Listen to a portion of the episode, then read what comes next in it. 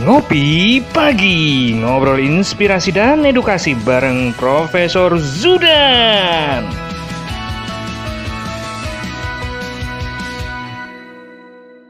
Cara ini didukung oleh Desa Wifi, Tol Langit Desa Indonesia.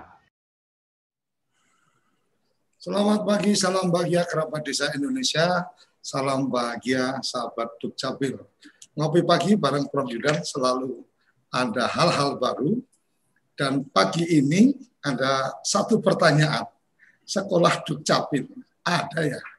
Ternyata ada. Ini ini untuk kerabat desa, sahabat Dukcapil mungkin yang belum tahu karena uh, informasinya belum tersampaikan, kita akan uh, kita akan mendapatkan pengetahuan atau mendapatkan informasi tentang sekolah Dukcapil. Pagi, Prof. Selamat pagi, Mas Suryo Koco. Assalamualaikum warahmatullahi wabarakatuh. Sehat selalu, Mas Suryo Koco. Salam hormat dari kami semua di Pasar Minggu untuk seluruh kerabat desa yang berbahagia, sahabat Dukcapil dan pemirsa TV Desa. Semoga selalu sehat, berbahagia, dan tidak kurang suatu apa pun. Amin, amin. Sekolah Dukcapil. Emang ya. ada itu, Prof?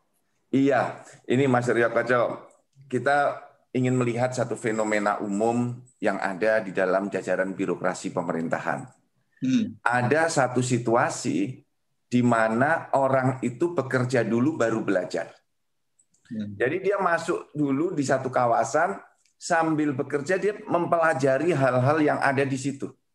Jadi okay. pinternya sambil berjalan sehingga ada proses-proses yang telat dia pahami ketika menyelesaikan persoalan itu. Itu fenomena yang sangat umum di dalam birokrasi kita. Seolah-olah dikatakan wis tahu gampang. Sudahlah mudah. Nanti kamu duduk di situ pasti bisa. Hmm. Tetapi ada juga bidang-bidang tertentu di birokrasi yang sudah mensyaratkan orang itu untuk bisa. Dan itu spesifik.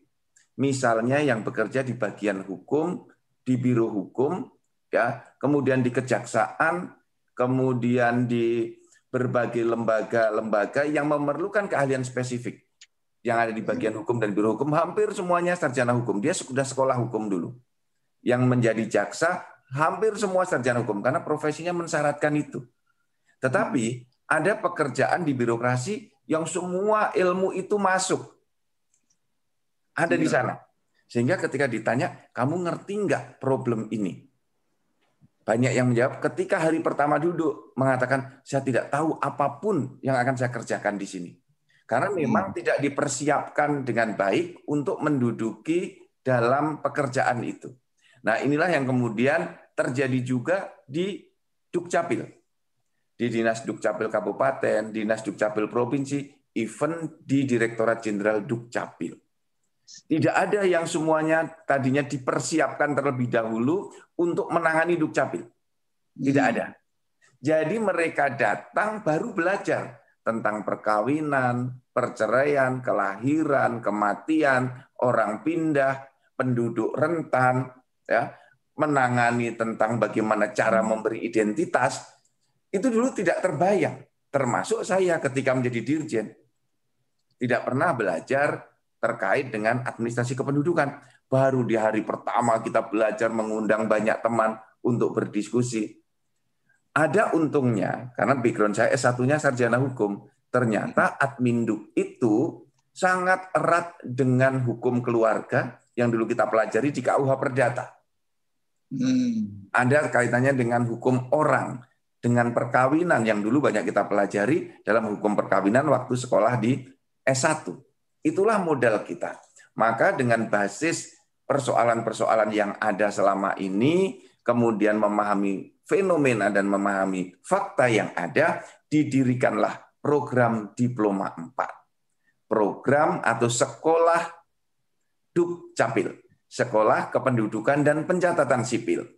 Di Indonesia, itu pertama kali perguruan tinggi umum yang mendirikan dan itu satu-satunya ada di Universitas 11 Maret tahun 2017. Nah, hmm. ada partnernya yang ada di pendidikan tinggi kedinasan. Ini juga satu-satunya. Berdiri pertama kali satu-satunya di perguruan tinggi kedinasan hanya di IPDN. Jadi di Indonesia perguruan tinggi umum hanya ada satu, yaitu di UNS. Perguruan tinggi kedinasan di Indonesia juga hanya satu, yaitu di IPDN. Nah, filosofinya adalah kita meletakkan landasan untuk profesionalisme. Jadi yang namanya profesional itu seseorang harus tahu apa yang akan dikerjakan. Dia menguasai materi untuk mengerjakan itu. Dan yang ketiga, siap dikembangkan lebih lanjut. Nah, itulah semangat yang kemudian mendasari pemerintah mendirikan program diploma 4 di UNS namanya demografi dan pencatatan sipil. Di IPDN namanya kependudukan dan pencatatan sipil. Tentu saja ini memerlukan satu proses untuk perbaikan terus-menerus. Perbaikan untuk apa? Di kurikulumnya diperbaiki terus-menerus sesuai dengan perkembangan. Proses mendidiknya juga harus diperbaiki terus-menerus. Nah, oleh karena itu nanti dalam forum ini kita ingin juga pengelola dari IPDN dan UNS juga bercerita bagaimana mendesain itu agar alumninya nanti setelah lulus langsung bisa bekerja. Nah, setelah bekerja, memiliki kemampuan untuk berkembang terus-menerus menyesuaikan dengan perkembangan zaman, perkembangan teknologi. Maka alumninya harus adaptif. Karena problem, persoalan, dan harapan masyarakat itu bertumbuh terus-menerus. Sehingga kita tidak bisa mengatakan kita belajar sekarang untuk menyelesaikan masalah di masa depan. Kita belajar sekarang, menyelesaikan masalah sekarang, sambil mempersiapkan diri agar kita bisa menyelesaikan masalah yang mungkin terjadi di masa depan. Jadi kita itu belajar sekarang sebenarnya untuk masa depan. Karena anak-anak belajar di UNS, di IPDN, sekarang baru akan dipakai empat tahun kemudian. Bisa jadi yang dipelajari sekarang di empat tahun kemudian sistemnya sudah berganti. Maka di sini metodologi pembelajarannya harus tepat learning how to learn. Belajar bagaimana caranya belajar. Nah, inilah yang kemudian dikembangkan di program Diploma 4 itu.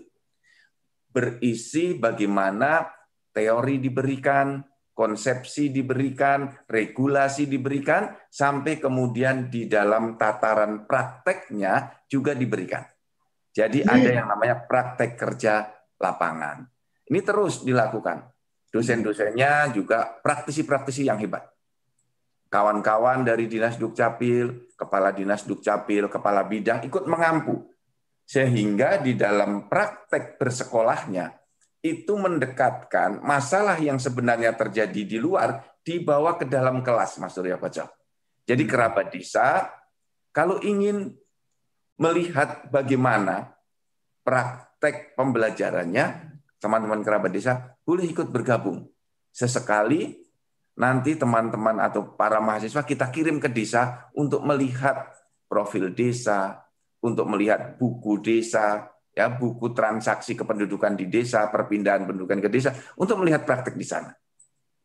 Atau nanti kita bisa change. Kerabat desa semua ikut masuk diskusi di kelas. Jadi bukan mahasiswanya yang ke lapangan, tapi kerabat desa yang datang ke kelas sebagai narasumber. Nah, bersama-sama diskusi. Jadi melengkapi internal masuk ke keluar ke lapangan, yang eksternal masuk ke kelas. Ini program pembelajaran yang bisa dilakukan secara terus-menerus. Tentu saja kurikulum ini harus memadukan tiga level. Dan ini yang sudah dilakukan pada aspek knowledge, pengetahuan, skill, keterampilan, dan attitude. Sehingga harapan kita membangun birokrasi yang profesional, terutama birokrasi yang mengawai jajaran administrasi kependudukan itu bisa terwujud. Minimal dua kampus besar ini, UNS dan IPDN, bisa menjadi kader-kader profesional IPDN. Nah, teman-teman di Dinas Dukcapil, ini ada kader-kader yang bagus. Rekrut mereka sesuai dengan ketentuan peraturan perundang-undangan yang ada. Dan pangsa pasarnya sangat terbuka untuk para mahasiswa. Kalau di IPDN langsung diterima di Pemda. Nah, harapan saya alumni IPDN nanti program diploma 4 tidak diletakkan sebagai ajudan. Tetapi langsung pola karirnya dibangun di Dinas Dukcapil. Kalau menjadi ajudan dulu sayang betul. Ilmunya akan hilang, touch-nya feel-nya terhadap penguasaan materi nanti akan hilang. Jadi bagusnya adalah setelah penempatan tahun ini ada lulusan baru penempatan langsung diletakkan di dinas dukcapil dan jumlah yang sangat terbatas itu harus dioptimalkan. Demikian juga alumni dari UNS ini memiliki ruang untuk bekerja yang sangat luas. Sebagai peneliti bisa, sebagai penulis bisa, sebagai konten kreator juga bisa. Jadi kalau ingin bekerja bebas, membuat konten ya, mengkreasikan konten yang terkait dengan administrasi kependudukan banyak sekali materinya. Atau bekerja di kementerian dan lembaga, atau bekerja di dinas dukcapil, atau bekerja di berbagai institusi internasional yang care dengan persoalan anak, persoalan ibu, persoalan perkawinan, dan lain-lain. Jadi dunia kita terbuka sangat luas. Demikian Mas Surya Kaca pengantar awal dari saya. Oke. Prof, ini uh, program di diploma 4. Artinya advo, apa vokasi ya, Prof? Iya, benar. Ini didesain khusus sebagai program vokasi, program yang langsung kurikulumnya dirancang agar alumninya siap kerja. Ini sebetulnya menjawab apa yang dikehendaki oleh Bapak Presiden. Pak Jokowi mendorong program-program kita adalah program vokasi, program untuk mengisi dunia kerja, program yang memang real dibutuhkan. Nah, pendekatannya begini, program vokasi adalah program yang mudah dibuka. Kalau nanti sudah cukup, boleh ditutup. Kalau diperlukan, dibuka lagi. Nah misalnya ya, Dukcapil itu sekarang ada 514 kabupaten kota, 34 provinsi. Jadi ada 548. Alumni kita setahun itu 300. Jadi kalau satu dinas tadi itu diisi satu, itu akan terisi penuh baru lulusan ketiga. Kalau satu-satu, Mas. Kalau satu kantor nanti diisi tiga, baru kita akan terpenuhi 9 tahun kemudian. Kalau diisi 4 dengan volume yang sama, baru akan terisi 12 tahun kemudian. Itu belum menghitung yang pensiun. Hmm. Nah, belum lagi kementerian lembaga yang lain. Itu baru mengisi untuk dinas dukcapil saja. Jadi kebutuhannya besar sekali, sumber-sumber yang mendidiknya sangat sedikit. Hmm, Oke, Prof. Mungkin kita perlu mendengar apa teman-teman mahasiswa ini. Artinya harapannya atau pada saat masuk dan seterusnya seperti apa? Karena kalau bicara secara spesifik apa uh, ilmu yang didapatkan yang itu kemudian cenderung akan menjadi langsung dipakai. Jadi kalau bahasa saya sih lebih pada kalau kesarjanaan mungkin kan lebih pada uh, terdidik atau setelah lulus siap untuk dididik apa dilatih untuk pekerjaan tertentu. Tapi kalau ini sudah memang terdidik dan terlatih sehingga uh, pada saat lulus itu pastinya sudah bisa langsung bekerja, bahkan mungkin bisa langsung eh, bisa memberikan apa ya uh, di tempat kerja bisa memberikan uh, sesuatu best praktis yang kemudian bagus untuk apa uh, di tempat kerjanya. Kebayang saya tidak hanya di Dukcapil kabupaten, kota atau provinsi, tapi bisa jadi kalau kalau di empat sekarang perangkat-perangkat desa itu kan juga apa uh, yeah. terbuka untuk kemudian ada apa kesempatan perangkat desa dan seterusnya kalau yang pegang di urusan pemerintahan atau di apa ke, ke salah satu kaur di situ adalah apa alumni dari uh, Dukcapil saya pikir uh, administrasi kependudukannya gerakan apa uh, Indonesia apa Prof, sadar adminduk oh, itu akan lebih luar biasa juga ini. Oke, uh, kita coba dengar yang dari WNS dulu kali. Karena WNS ada dua ini nanti selesai WNS kita dengar dari teman di PDN. Kalau PDN kan udah jaminan apa jaminan pekerjaan artinya sudah ada ikatan dinas. Uh, Gustav, halo selamat pagi Gustav. Silakan. Ya. Halo, selamat pagi Pak. Hmm. Gimana nih ceritanya pertama kali tahu ada pro apa ada program atau ada apa uh, ini ya program studi ya uh, vokasi yeah. uh, tentang adminduk ini tahunya dari mana kemudian kok tertarik ini karena kesasar atau gimana? Iya, selamat pagi Pak. Sebelumnya Assalamualaikum warahmatullahi wabarakatuh. Selamat hmm. pagi Prof. Sudan dan juga Prof. Kocok. Uh, Alhamdulillah bisa berkumpul dan juga gabung di acara pagi hari ini. Uh, mengingat pertama kali nggak Pak, pertama yeah. kali waktu mengetahui program Diploma 4 Demografi di UNS ini sebenarnya tahu dari sosial media Pak. Jadi memang betul sosial media banyak uh, cepat sekali memberikan transmisi informasi Pak. Pada saat itu saya tergabung dalam grup di salah satu sosial media, bisa dikatakan Facebook seperti itu Pak. Mm-hmm. Grupnya itu ada calon uh, maba tahun 2017 Pak. Nah, di situ banyak sekali informasi pembukaan dari um, dari berbagai banyak program studi di seluruh universitas. Nah, hmm. pada saat itu hmm. adalah uh, pengumuman tentang pembukaan untuk program studi diploma 4 ini. Nah, pada saat itu kan ya mahasiswa awal mau jadi mahasiswa belum tahu apa-apa, akhirnya sedikit research, terus menarik belajarnya dan juga pada saat itu belum dibuka di perguruan tinggi negeri. Hmm. Maka dari itu ya tertarik itu Pak kalau dari dari uh, pengalaman yang pada saat awal dulu jadi wah uh, gambarannya ketika dulu oh jurusanmu ditanya apa? Oh jurusan jurusanmu apa? gitu. Ditanyain demografi wah apa tuh? Banyak orang kan belum tahu gitu pak. Jadi menjadi satu kebanggaan sendiri bagi saya pada saat itu bisa keterima di diploma 4 ini pak. Seperti itu.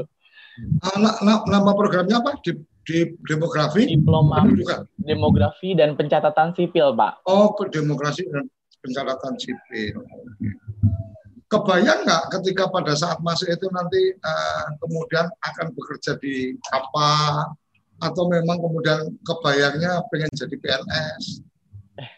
Ya awalnya kebayangnya memang pengen jadi PNS pak ya okay, uh, okay. seperti itu. Nah uh, tetapi setelah uh, belajar mendalami dari dari semester 1 sampai sekarang semester 7 jadi mengerti arahnya ternyata lapangan pekerjaannya bukan hanya saja di uh, capil tapi banyak uh, uh, banyak sinkronitas daripada program studi demografi ini sendiri seperti itu Pak. Art, art, artinya setelah masuk kemudian melihat bahwa uh, kesempatan bekerjanya itu lebih lebih terbuka karena pada saat masuk mungkin bayangannya oh ini aku bisa PNS masuk di Dukcapil begitu masuk sekarang jadi terbuka bahwa ada bagian-bagian pekerjaan lain yang kemudian itu uh, membutuhkan uh, keterampilan dari teman-teman di empat ini. Iya Pak, betul sekali.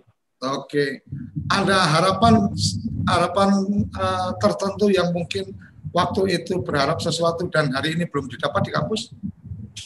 Um, ini Pak, uh, pengalaman untuk jadi jadi kami kan uh, ada semester 4 sampai semester uh-huh. 6 uh, kami kuliah praktik di Dinas Kependudukan dan Pencatatan Sipil Sesolo Raya dan juga Semarang Raya Pak. Jadi hmm. uh, besar harapan kami ketika nanti uh, tahun depan ataupun tahun uh, tahun depannya lagi bisa dibuka luas Pak. Jadi mungkin uh, karena kami kan uh, tahunnya hanya background background permasalahan berada di sekitar uh, Solo Raya dan juga Semarang Raya. Jadi belum begitu luas untuk tahu background-background masalah masyarakat sendiri di luar daripada uh, Semarang Raya dan juga Solo Raya. Jadi harapannya bisa uh, mungkin studi banding ataupun pembukaan kuliah praktek uh, relasi untuk di luar Semarang Raya ataupun Solo Raya seperti itu Pak. Jadi lebih mengetahui problem-problem uh, apa lagi yang ditemukan. Problem di masyarakat kan banyak dan unik-unik seperti itu Pak. Oh ini anu ya apa uh, kuliah prakteknya ya? Yang di Solo Raya sama Iya betul Raya. Pak, uh, kami kuliah praktek. Oke. Okay. Iya betul. Oke okay, oke, okay. uh, eh, kita akan coba ke uh, mau izin ya Prof ini kita coba dengar suara mahasiswa dulu nanti baru kita dengar apa suara teman-teman uh, teman-teman dosennya. Valentino uh, yang dari IPDN mungkin ya. Kalau kalau IPDN mungkin kan lebih udah form dengan nanti selesai lulus pasti akan masuk di pemerintahan dan seterusnya. Tapi mungkin yang menarik adalah berdasarkan pengalaman dari kakak-kakak kelas atau senior-senior, apakah kemudian penempatan itu pasti sesuai dengan jurusan yang dipilih atau kadang-kadang enggak atau gimana? Uh, ya, slim, selamat pagi. Izin Prof. Sudan, izin Bapak Ibu. Jadi izin menjelaskan bahwa kami di sini itu lulusannya nanti akan terjun di pemerintahan, tetapi uh, ada beberapa mungkin lulusan yang tidak sesuai dengan jurusan yang didapat di sekolah sini. Harapannya nantinya uh, jika memang kami dari jurusan tersebut dapat ditempatkan di pemerintahan seperti yang tadi dikatakan bahwa lulusannya nanti akan jadi ajudan lah. Harapannya kalau memang kami dari jurusan Dukcapil dapat ditempatkan di memang benar-benar di dinas Dukcapil atau mungkin di yang berkaitan uh, kelembagaan atau institusi yang berkaitan dengan kependudukan karena uh, apa yang telah kami pelajari dan di sini kan juga sudah ada pengajaran dan pelatihan di mana di pelatihan ini kami memang benar-benar dilatih untuk terjun langsung siap terjun langsung di lapangan. Mungkin seperti itu. Oke, Valentino berarti uh, artinya Valentino deng, uh, mendengar apa mendapatkan cerita dari kakak-kakak atau dari senior-senior uh, ternyata jurusan atau yang dipilih atau yang kemudian aku nggak ngerti kalau di PPDN itu apa karena memilih atau karena kemudian penempatan tetapi eh, kadang-kadang uh, penempatan di pemerintah uh, apa penempatan di pemerintah daerah itu teman-teman tidak sesuai dengan jurusannya gitu maksudnya?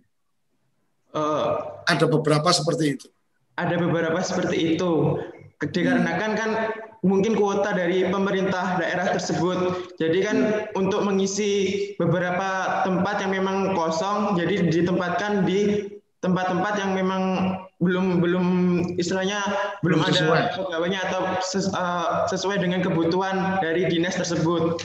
Ya, Oke, okay. artinya lebih karena uh, mungkin lebih karena transisi aja kan, karena sudah sudah masuk maka ya oke okay, sementara membantu dulu di mana, tapi ketika nanti apa uh, di tempat yang sesuai jurusan itu apa membutuhkan pastinya menjadi prioritas lah untuk ditempatkan di apa uh, di tempat kerja sesuai jurusan mungkin gitu ya iya seperti itu oke saya pikir kalau dinamikanya di IPDN tentang pendidikan dan seterusnya tidak tidak se uh, tidak serumit atau tidak apa tidak se apa sebanyak teman-teman yang di luar ikatan dinas karena kalau di ikatan dinas sudah ketahuan nih lulus pasti tempatnya di mana. Uh, terima kasih Valentino. Uh, kita ya. coba ke Faris. Faris bisa dibuka. Uh, ya okay. Pak, hadir. Ya. Selamat pagi Pak Surya Kocal dan Prof Yudan. Ya, oke okay. Faris. Uh, ya. Kembali ke pertanyaan mungkin aku lebih sama ke Gustaf tadi. Kalau kalau Valentino udah udah ketahuan lah karena bicara PDN udah udah ketahuan cita-citanya jalurnya udah pasti kan itu. Kalau Faris ketika masuk di di empat demografi dan administrasi kependudukan, sebenarnya waktu masuk itu karena memang oh ini jurusan menarik atau kemudian ya udahlah ini apa uh, daripada nggak kuliah gitu kan atau mungkin karena kan ada juga nih kadang-kadang ah, daripada nggak kuliah deh asal apa uh, asal daftar yang kebetulan apa peminatnya belum banyak karena baru buka dan seterusnya atau mungkin memang sudah tahu bahwa ini akan punya prospek. Gimana Faris? Oke, baik Pak Surya Koca izin menjawab ya. Buka ya. juga izin menjawab. Jadi pengalaman pribadi saya Pak Surya Koca, waktu itu saya juga ikut mendaftar ikatan dinas juga, namun sampai tahap akhir belum rezeki seperti itu. Nah, setelah itu uh, saya juga mendaftar prodi ini, saya lihat kok ini sepertinya semi-semi ikatan dinas, hanya saja ini ditempatkan di perguruan tinggi negeri. Nah, seperti itu. Apalagi melihat juga dari prospeknya tadi yang disampaikan oleh Prof. Yudan, kemudian bidang keilmuan yang kita pelajari, jadi tidak hanya uh, sempit berkaitan dengan administrasi kependudukan saja, namun kita juga ada uh, masukkan juga unsur-unsur hukumnya. Jadi seperti itu yang membuat menarik untuk saya mendaftarkan diri dan sampai saat ini tetap stay di prodi ini. Seperti itu Pak Suryo Koco. Artinya artinya menikmati ya dengan iya. prodi yeah. ini ya.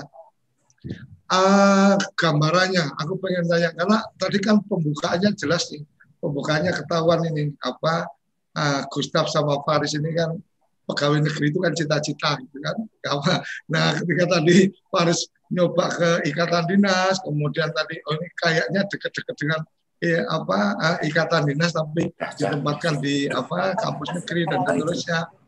Artinya dari dua ini aku menangkap memang pegawai negeri adalah satu apa profesi yang kemudian ini masih menarik untuk apa Faris sama Gustav.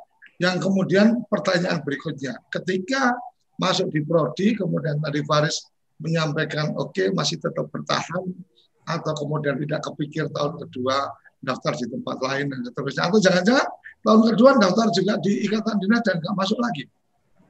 Faris. Pak. Ayo. Baik. Oke, uh, ya. tadi setelah tahun pertama Pak kita sudah masuk seperti itu satu angkatan seperti itu saat itu satu angkatan kita terdiri dari 141 orang Bapak. Ya. Nah, kemudian setelah kita masuk seperti itu menjalankan kuliah selama dua semester ya seperti itu dan dari 141 angkatan orang tadi seperti itu hanya eh, tiga orang yang mengundurkan diri seperti itu. Artinya apa? Seluruh angkatan, sebagian besar angkatan itu sangat-sangat senang berkuliah di sini karena memang perkuliahannya sangat menyenangkan, kemudian prospeknya juga, apalagi hubungan kami dengan uh, Dukcapil, kemudian dengan Prof Yudan, kemudian dengan orang-orang sekitar di lingkup Dukcapil itu sangat dekat sehingga menyadarkan kami bahwasanya oh ini adalah sebuah peluang yang sangat luar biasa dan sampai saat ini teman-teman dari prodi Kamu semester berapa sekarang? Angkatan sipil sangat berminat, Pak, seperti itu. Kamu semester berapa sekarang? Semester 7, Pak. Ini, Pak, semester, semester 7. 2, Pak. Waktu iya, Pak. waktu semester 3 ikut daftar ikatan dinas enggak? Enggak, Pak. Saya sudah stay di sini, Pak. Oke. Oke. Okay. Art, artinya selama selama satu tahun kemudian apa sudah bisa memantapkan hati kan gitu. Iya. Ini, ini oke deh kalau gitu karena karena kan bisa jadi nih uh, aku aku punya pengalaman tapi bukan pengalaman pribadi. Ada pengalaman uh, apa uh, teman itu yang satu tahun pindah, habis itu satu tahun pindah lagi, satu tahun. Ini kamu pindah-pindah kampus melulu, uh, ternyata ada obsesi yang dia mau dapat dan apa uh, merasa belum cocok dengan yang dia masuk. Alhamdulillah kalau Faris seperti itu. Kita coba uh, mendengar dari uh, UNS-nya ini. Monggo mahasiswa, teman-teman mahasiswa tadi sudah menyampaikan apa uh, pendapatnya dan menariknya nggak ada unek-uneknya ini. Jangan-jangan karena ada karena ada dosennya terus nggak ada unek-uneknya. tapi tapi Gustav tadi sudah menyampaikan kalau bisa apa keluar dari Semarang dan Solo Raya ini oh menarik juga ini. Ini forum ini ada banyak teman-teman dari kabupaten kota seluruh Indonesia bisa jadi uh, ada ruang juga nih teman-teman yang membutuhkan apa ke tenaga keterampilan dari apa mahasiswa ini bisa juga ada uh, memungkinkan ayo ke sini kita fasilitasi udah nginepnya di sini dan seterusnya sekaligus bantu-bantu apa berbenah administrasi di kantor. Gitu ya Prof ya? Oke Ibu Sri silakan. Audionya? Audionya belum di apa belum diaktifin.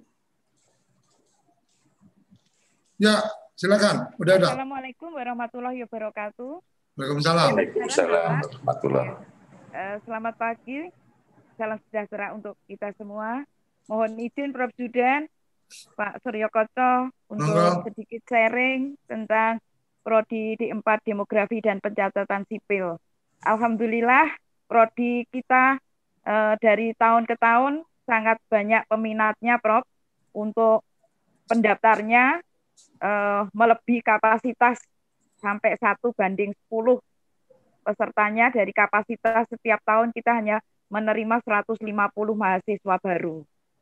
kita sudah memasuki tahun keempat dan alhamdulillah pada tanggal 12 dan 13 Oktober kita sudah dilaksanakan akreditasi uh, secara daring oleh Ban PT dan alhamdulillah uh, sudah meningkat dari posisi C sekarang sudah mendapatkan peringkat B Bapak. Ini mohon dukungan juga dari seluruh uh, Dukcapil se-Indonesia Raya. Mohon nanti lulusan kami tahun depan ada sekitar 136 mahasiswa kita yang siap untuk uh, terjun uh, mengabdikan diri di lingkungan. Lulusan pertama ya, Pak? Lulusan pertama baru tahun besok, Pak Surya oh, okay. yeah. Karena kita angkatan pertama 2017, kita baru tahun keempat. Okay. Belum meluluskan, tapi alhamdulillah uh, sudah mendapatkan peringkat B untuk akreditasinya. Nanti Kemudian, nanti wisudanya bisa di live di TV desa. Eh, siap Pak Surya Koco. Kemudian ini merupakan satu kebanggaan karena satu-satunya uh, prodi demografi dan pencatatan sipil yang diajak kerjasama oleh Prof. Sudan ini UNS Fakultas Hukum itu baru satu-satunya seperti yang diungkapkan beliau tadi untuk perguruan tinggi negeri baru UNS. Nah ini peluang juga uh, sangat uh, bagus uh, bagi prodi D4 untuk mengembangkan inovasi, mengembangkan kurikulum untuk lebih memantapkan uh, lulusan uh, prodi D4 demografi pencatatan sipil benar-benar nanti siap pakai dan siap mengabdikan diri, membuat inovasi dan memelancarkan uh, adminduk sadar uh, administrasi kependudukan bagi seluruh masyarakat. Karena perkuliahannya tiga semester Pak Suryo Koco, hmm. semester 4, 5, 6 itu sudah langsung praktek di uh, dinas kependudukan dan pencatatan sipil wilayah Solo Raya dan Semarang Raya. Oh, oh semester berapa sudah mulai praktek, Mbak? Semester 4, 5, dan 6. Oh, 4, 5, 6 itu sudah praktek di ya. uh, Dukcapil, Dukcapil. Kita sudah memenuhi kriteria yang ditentukan oleh Dijen Vokasi, uh, mm-hmm. yaitu 4 semester teori, 3 mm-hmm. semester praktek, dan satu semester untuk penulisan tugas akhir. Tugas oh. akhir mahasiswa kita juga uh, kami arahkan untuk membuat inovasi-inovasi seperti yang uh, dilaksanakan oleh seluruh uh, Dukcapil se-Indonesia Pak Suryo Koco. Membuat inovasi Ar kemudahan. Artinya, ah, mohon maaf, artinya uh, saya ingat waktu apa waktu kita mahasiswa dulu saya ada satu program untuk kita setiap mahasiswa baru kan ada semacam kemah bakti dan seterusnya. Itu artinya memungkinkan daerah-daerah tertentu untuk meminta ya.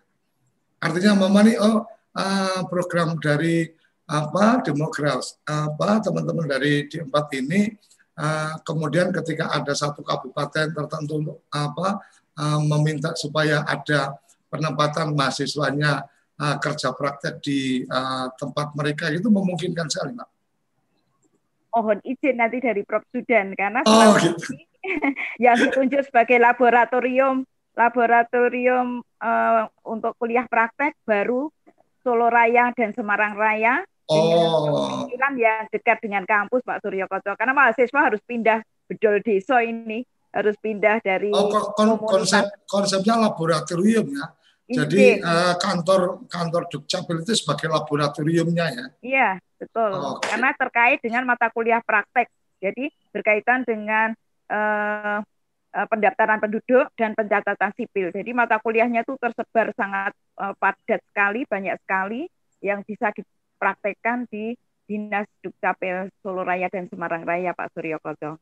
Harapan-harapan dari UNS sangat mungkin... berharap sekali nantinya uh, prodi kita bisa dimasukkan di Menpan, dibukakan nomenklatur khususnya untuk uh, lulusan demografi dan pencatatan sipil untuk bisa mengisi kekosongan ASN di lingkungan Dukcapil dan instansi terkait. Begitu Bapak yang dapat kami sampaikan. Oke. Uh, kita akan jeda, tapi sebelum jeda ada uh, nanti Prof. Yudan setelah jeda bisa memberikan komentar. Ada uh, dari IPDN, Mbak Anya. Halo? Halo? Sudah ada? Ibu Anya apa? Halo. Dari PDN, oh audionya belum masuk ya. Ini masih videonya, audionya belum bisa apa? Belum bisa keluar. Oke, monggo silakan. Mbak Anyaris Nawati. Audionya. Y. Oh. Silakan mic-nya. Mic-nya dibuka. Bentar, Prof. Ya, silakan. Ya, selamat pagi. Assalamualaikum semua. Mohon maaf. Iya, ini jaringannya ter, terputus barusan jadi uh, ya, keluar sebentar okay. ini. Silakan, silakan. Ya. Uh, ini kebetulan saya seprodinya di Duk Adbinuk Capil di IPDN. Hmm. Untuk Praja IPDN ini ini uh, lulusannya sebenarnya memang tidak langsung ditempatkan di Capil, tapi pada saat magang untuk pembuatan laporan akhir itu itu ditempatkan langsung di Capil sesuai arahan Pak Dirjen. Hmm. Jadi uh, kami ini memang sudah menempatkan kerja pada saat magang sudah dari awal dan sekarang pun di IPD ini sudah punya labnya, lab Ya, labnya khusus untuk admin capil. Hmm. Uh, untuk penempatan memang tidak semua karena kebetulan uh, saya waktu monitoring pun dengan Pak Dis Dukcapil gitu dengan Pak ini pun penempatan tidak semua sesuai dengan apa yang disampaikan oleh Valen tadi dan teman-teman yang lain tadi itu memang uh, sesuai dengan apa ya porsinya barangkali ya porsinya yang ada di distrik capil gitu jadi tidak semuanya bisa langsung penempatan ada di distrik capil dan untuk dosen kami ini uh, hampir semuanya ini sudah mengikuti seminar-seminar tentang capil dan kami juga sudah dilibatkan baik provinsi, kota, kabupaten dalam kegiatan-kegiatan uh, apa namanya uh, kegiatan masalah Dukcapil, terutama tentang masalah GISA, Gerakan Indonesia Administrasi Sadar uh, Kependudukan. Kebetulan di IPDN ini sudah ada ADM, sudah ada ADM satu di dalam apus, okay. ya uh, ADM Pak, ya sudah ada satu di uh, ini apa namanya di lab gitu. Nah, Alhamdulillah memang anak anak-anak kami ini ini sudah pada saat sekarang membuat laporan akhir ini sudah kami arahkan sesuai dengan uh, apa ya tema-tema yang yang baru sekarang gitu. Hmm.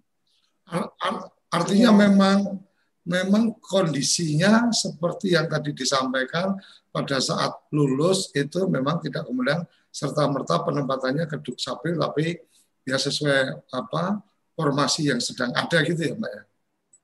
Ya, betul, untuk di daerah-daerah. Betul Pak. Memang ada, ada sebenarnya sih memang eh, apa namanya sebenarnya memang kita sudah inginnya langsung anak-anak itu sudah kita sampaikan kepada kebetulan kalau memang kita ada kegiatan di apa namanya di IPDN berkaitan dengan pendudukan. Nah, ini kita sudah ingin menempatkan, kita sudah berbicara walaupun kita belum barangkali belum ada MOU-nya, Pak ya. Hmm. Tapi kami sudah berusaha untuk anak-anak kami ini lulusannya untuk ditempatkan di Dukcapil. Dan sebenarnya memang penempatan untuk anak-anak ini ini kebetulan karena memang uh, formasi yang ada. Nah, seperti apa yang disampaikan Prof. Judan juga ini karena memang formasi yang ada ini tidak semuanya bisa ditempatkan di Dukcapil. Walaupun memang pada saat magang semuanya itu ada di Dukcapil. Oke. Oke, berarti apa yang, yang tadi? Uh, maaf, ya. Silakan, silakan. Iya, Pak. Ada yang ingin ditambahkan uh, lagi? Eh, kebetulan memang uh, Iya, sudah Pak, sudah, sudah aja. Iya, nanti ditambahkan lagi. Enggak, kalau memang masih ya, ada kasih, yang ingin disampaikan, silakan. Cuma hanya satu aja barangkali, Pak. Uh, barangkali satu aja, Pak. Uh -huh. uh, Praja IPDN ini kan memang anak-anak juga inginnya itu penempatan itu memang di Dukcapil, Pak. Barangkali hmm. untuk Prof. Judan, uh, bisa mengarahkan kepada para kadis kebetulan banyak sekali yang hadir di sini untuk lulusan IPDN setidaknya barangkali 50% lulusan itu penempatannya di Dukcapil. Minimal barangkali ya Pak. Ya harapan kami itu barangkali Pak. Supaya apa yang disampaikan uh, setiap kami ada kegiatan dengan perpyudan itu eh, anak-anak uh, bisa secara profesional gitu Pak ditempatkan di tempat kerjanya sesuai dengan apa yang disampaikan di kampus. Hmm. baik itu pelatihannya baik itu uh, secara teoritis gitu Nah, barangkali Prof. Yudan dan Bapak para kadis bisa mendengarkan kata hati nurani anak-anak dan kami dari PDN ini, Pak, penempatannya sesuai dengan Ibu uh, dan UNS juga ya, Bu ya. Jadi kita ya. sharing juga, Bu, gitu supaya anak-anak kita ini penempatannya sesuai dengan supaya lebih profesinya lebih meningkat ya, Bu ya. Gitu barangkali itu, Bu. Uh, Bapak terima kasih. Oke, terima kasih teman-teman mahasiswa sudah kita dengar, para apa pendidik pengasuhnya juga sudah kita dengar dan kita banyak mendengar banyak harapan di apa dikantongkan ke Prof Yudan ini kayaknya. Jadi ngopi pagi ini kita kayaknya lebih seger karena ternyata kita mendengarkan banyak harapan yang kemudian menjadi tugas atau tanggung jawab Prof Yudan untuk apa ke depan seperti apa? Supaya kopinya lebih enak kita aduk dulu. Jangan ke mana-mana kita akan jeda sesaat untuk kemudian akan kembali di ngopi pagi bareng Prof. Yuda. Kamu tinggal di pulau terpencil, pegunungan pinggiran kota, atau daerah di Indonesia yang tidak terjangkau jaringan fiber, ADSL, dan juga 3G Internetan dengan cepat pasti cuma akan menjadi mimpi. Mau pakai tol langit, pakai desa wifi, kunjungi www.desawifi.id.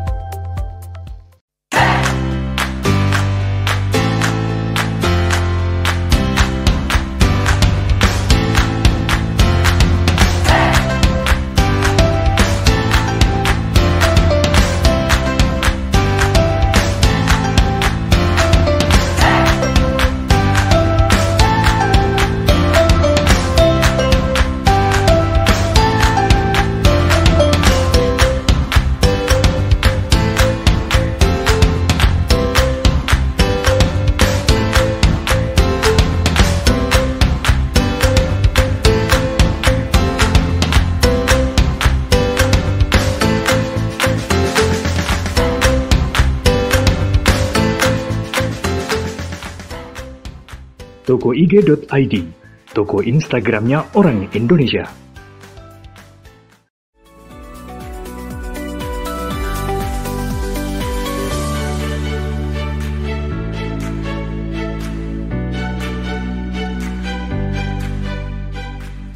Halo remaja Indonesia. TV Desa dan Rumah Film Avandi mengundang kalian untuk berkarya Bermodal HP kamu, kamu bisa bikin film pendek dan mendapatkan hadiah puluhan juta rupiah. SSFF Smartphone Short Film Festival 2020 menantang remaja Indonesia berkreasi dalam perfilman.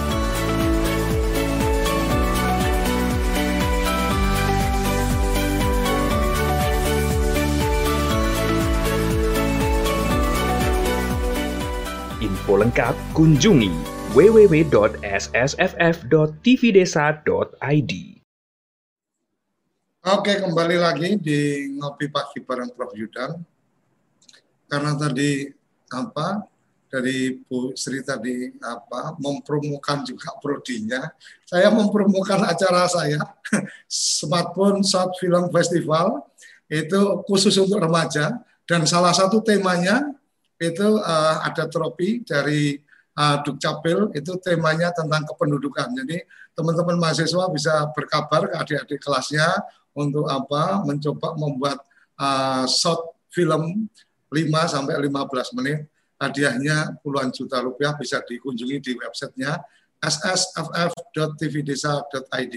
Prof, beberapa tadi uh, harapan ini kayaknya banyak banyak digantungkan harapan ke Prof. Yudan dalam rangka gerakan Indonesia Sadar Adminduk, otomatis ada uh, tuntutan profesionalitas, kemudian teman-teman di kampus sudah mempersiapkan tapi pendistribusiannya kadang-kadang apa kurang tepat dan seterusnya.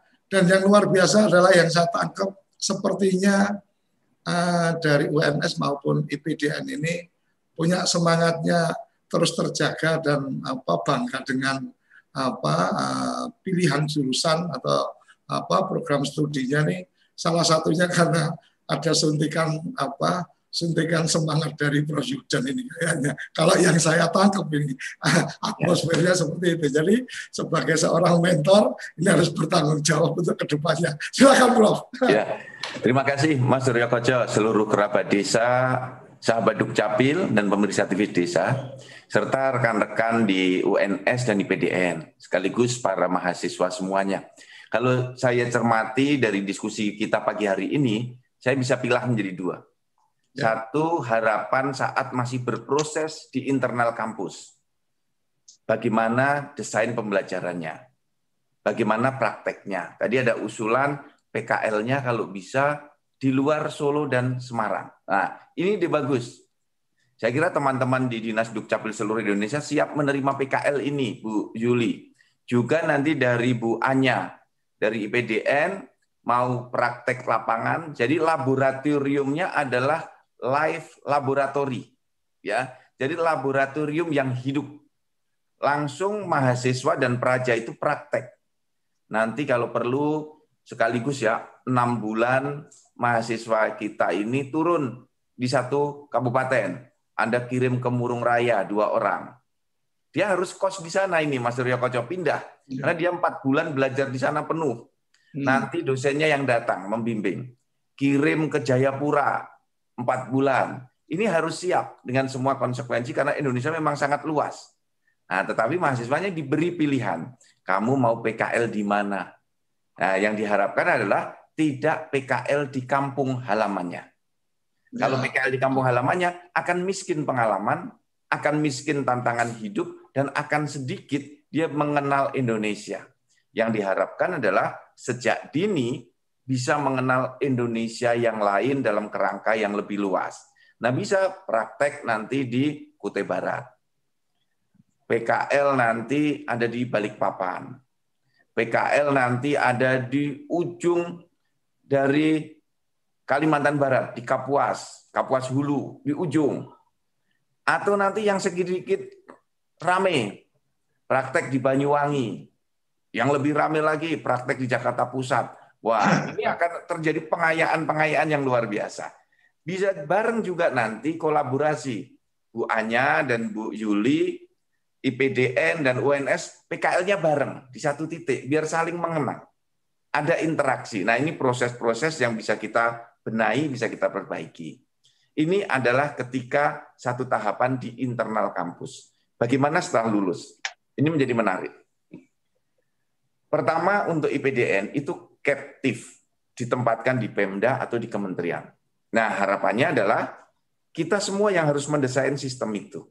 Dari PDN bisa langsung saat sudah lulus memberitahu kepada kepala daerahnya agar anak ini bisa langsung ditempatkan di Dinas Dukcapil, khusus Prodi Dukcapil.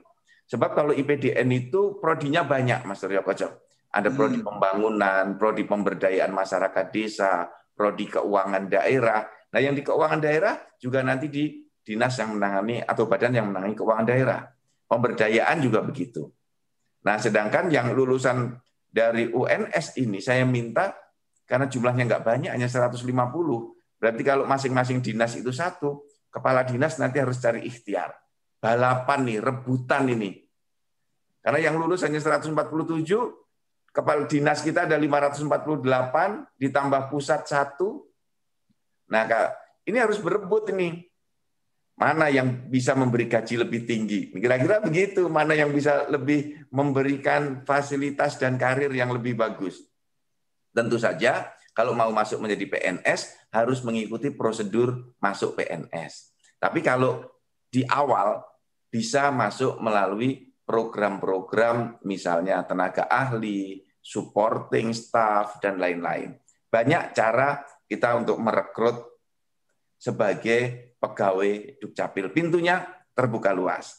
Nah, kemudian juga tadi ada yang menarik tentang laboratorium.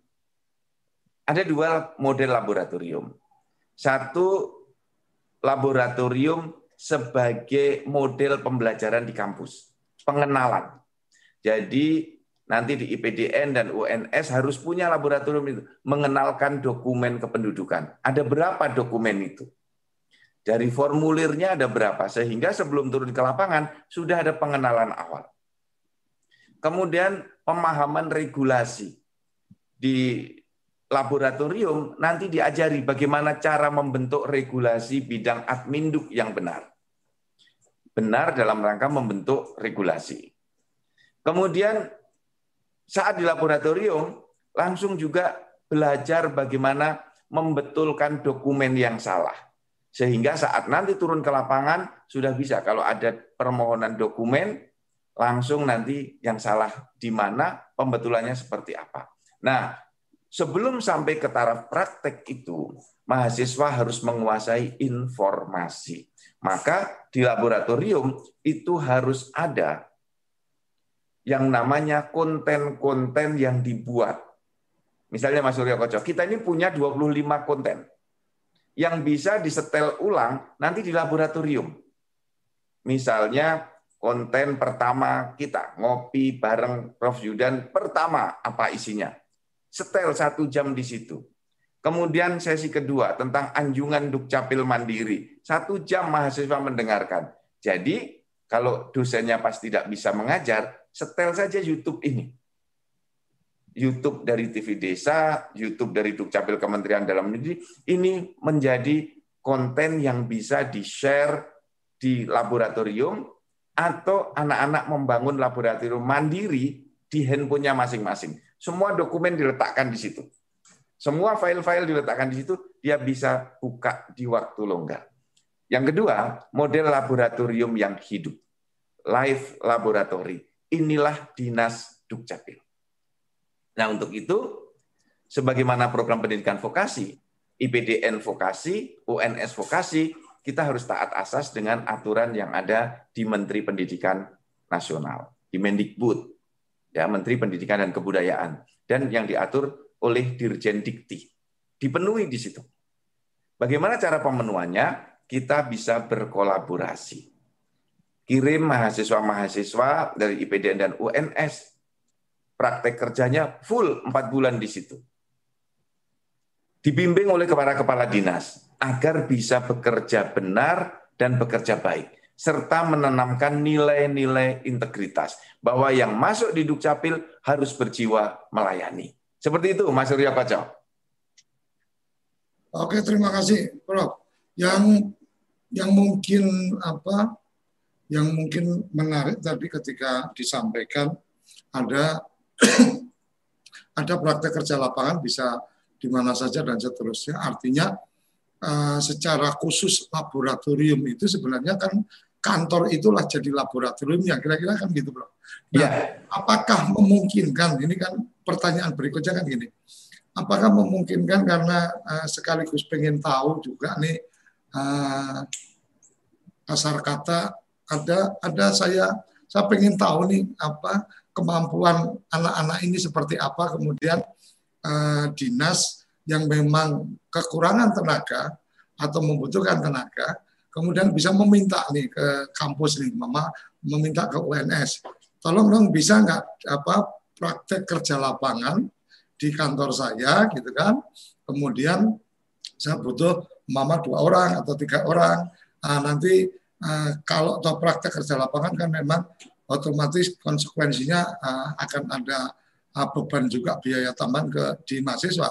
Taruh kata kemudian dari pihak kantor itu uh, siap untuk oke okay, selama nanti apa uh, PKL di tempat kita kita siapkan tempat untuk anak-anak itu tidur dan seterusnya artinya difasilitasi seperti itu karena kemudian dalam tanda petik ada kemungkinan Eh, mendapatkan manfaat juga nih ada tambahan tenaga dan seterusnya sehingga bisa disesuaikan dengan program inovasi yang sedang dikerjakan oleh dinas yang bersangkutan. Kira-kira yang seperti itu memungkinkan nggak, Bro? Benar sekali, Mas Surya Koco. Ini pola sinergi yang betul-betul bisa diimplementasikan. Misalnya tadi ide Mas Surya Koco, Kabupaten Murung Raya perlu tambahan dua pegawai empat bulan ini. Hmm. Nah ini ada tenaga segar, sudah semester lima, sudah ilmunya sudah cukup untuk belajar awal, diberi ditempatkan pada materi-materi yang ringan. Hmm. Jadi bukan pada penyelesaian yang bermasalah, Mas, pada ya. pengurusan ya. yang standar. Ya kan, hmm. kalau di Dukcapil itu kan ada yang penyelesaian standar karena persyaratannya terpenuhi, dan ada penyelesaian masalah yang berkasus atau hmm. permohonan yang bermasalah. Nah, ini hmm. jangan diberikan anak-anak baru. Nah, hmm. ini bisa. Dan ini juga akan terjadi pola-pola yang win-win. Dari Dinas Dukcapil mendapatkan tenaga segar, dari mahasiswa mendapatkan ilmu yang langsung praktikal. Hmm. Nah, ini akan memperkaya nanti referensi saat dia kembali ke kelas. Ya, kan semangatnya kan gini, belajar teori, konsepsi, regulasi dibawa ke laboratorium, bawa ke ya. dinas. Nanti masalah yang muncul di dinas dibawa lagi ke kelas semester berikutnya, dibahas di, lagi. Dibahas jadi apa uh, artinya menjadi temuan di lapangan seperti apa, kemudian didiskusikan, oh Betul. di sana diselesaikan seperti ini. Akhirnya di kampus pun juga mendapatkan banyak referensi untuk kemudian, Betul. oh case-case seperti ini, kalau di wilayah ini selesaikan seperti ini, wilayah ini selesaikan seperti ini. Kira-kira gitu ya Prof. Ya, inilah yang disebut dengan praktek-praktek terbaik. Oh. Dan juga bisa mendapatkan mahasiswa itu belajar dari praktek-praktek buruk. Kan bisa terjadi. Di tempatku dulu begini, ini tantangan kepemimpinan bagi, bagi kepala dinas yang dipakai PKL, Mas. Ya, ya, ya, ya, ya. Karena yang harus diajarkan kan semangat kita di sini harus selalu berbuat baik. Ya, betul. Jadi jangan sampai anak-anak yang sedang belajar itu mendapatkan setitik pun keburukan, jangan sampai. Hmm. Karena nanti ini menjadi street apa namanya street smart, kecerdasan jalanan. Hmm. Ini dia belajar dari jalanan nih. Dia lihat, eh cara pungli itu begitu, jangan pernah ada. jangan sampai, jangan juga malah diajari. Gini loh caranya nyari duit di Dukcapil. Allah, ya Allah, gitu. Ini okay. ini proses pendidikan yang saya menjaga betul, Mas. Hanya ke dinas-dinas Dukcapil yang sudah settle, sudah stabil, integritasnya bagus, anak-anak itu dikirim ke sana. Okay. Saya khawatir juga ngirim ke dinas Dukcapil yang masih ada indikasi, ada potensi kan ini laporan masyarakat masuk juga ke pusat. Pak di sini masih ada pungli, Pak di sini masih ada calo gitu. Tapi kalau mau nanti kita kirim, kita harus bekali anak-anak. Kamu saya kirim ke daerah merah Hmm. Kamu harus jaga diri baik-baik. Belajarlah yang baik-baik. Ada hal buruk dalam praktek pemerintahan. Saya kita harus akui, tidak semuanya putih mulus, tidak. Ada problem, ya. Tapi problem ini yang harus kita selesaikan. Jadi kalau pas belajar ketemu calo, ketemu pungli, Anda bisa cerita itu praktek buruk. Itu yang tidak boleh terjadi lagi setelah kita membangun SDM yang profesional ini. Seperti itu semangatnya Mas Surya Koco. Oke Prof, ini nggak terasa tahu-tahu sudah di ujung nih Prof, udah pukul 8. Kalau saya statement silakan Prof. selalu Terima kasih selalu Mas Surya Koco, terima kasih seluruh pemirsa TV Desa, kerabat desa dan sahabat Dukcapil, UNS dan IPDN, seluruh mahasiswa. Indonesia memiliki harapan besar dengan program Diploma 4 ini terutama untuk peningkatan layanan administrasi kependudukan. Kita membutuhkan SDM-SDM yang profesional. Profesional adalah memahami apa yang harus dikerjakan, menguasai materi untuk menyelesaikan pekerjaan, dan siap untuk dikembangkan lebih lanjut. Semoga dari IPDN dan dari UNS bisa mengisi kualitas pelayanan publik yang lebih baik di bidang administrasi kependudukan. Terima kasih. Salam hormat dari Pasar Minggu. Assalamualaikum warahmatullahi wabarakatuh. Waalaikumsalam warahmatullahi wabarakatuh. Luar biasa setiap obrolan asik kita dan hampir semuanya uh, tanpa terasa tahu-tahu itu sudah di ujung acara. Tapi hari ini kita banyak apa mendapatkan pencerahan tentang oh ternyata ada kampus yang memang secara spesifik kemudian itu terkait dengan administrasi kependudukan dan ini juga jadi uh, kesempatan juga kerabat desa jadi lebih paham mungkin ada yang tertarik untuk masuk ke sana tapi uh, karena perbandingannya UNS tadi sudah luar biasa satu banding sepuluh tapi setidaknya ada kegalauan eh, teman-teman uh, mahasiswa bahwa kemudian kesempatan untuk kemudian setelah lulus ini bisa masuk di administrasi kependudukan, mungkin bisa jadi PNS. Tapi kalau saya mungkin ruang menjadi perangkat desa juga satu tantangan tersendiri dan di situ akan apa lebih punya apa lebih punya ruang untuk uh, mengembangkan karena begitu jadi perangkat desa berarti ada posisi yang sangat strategis bicara tentang bagaimana mengembangkan mengaplikasikan ilmu-ilmu demografi dan administrasi kependudukan. Sampai di sini uh, ngopi bareng Prof. Judan ini sudah episode 24. Kalau tidak diperpanjang berarti besok adalah episode terakhir ngopi bareng Prof. Judan kita apa tunggu arahan lanjutan. Sampai jumpa di uh, besok hari pukul 7 sampai pukul 8 tetap di ngopi pagi bareng Prof Judan. Terima kasih, salam bahagia kerabat desa Indonesia, salam bahagia sahabat Dukcapil.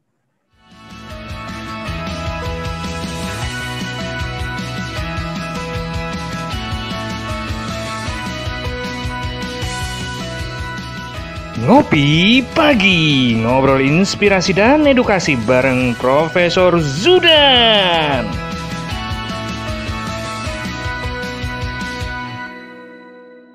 Cara ini didukung oleh Desa Wifi, Tol Langit Desa Indonesia.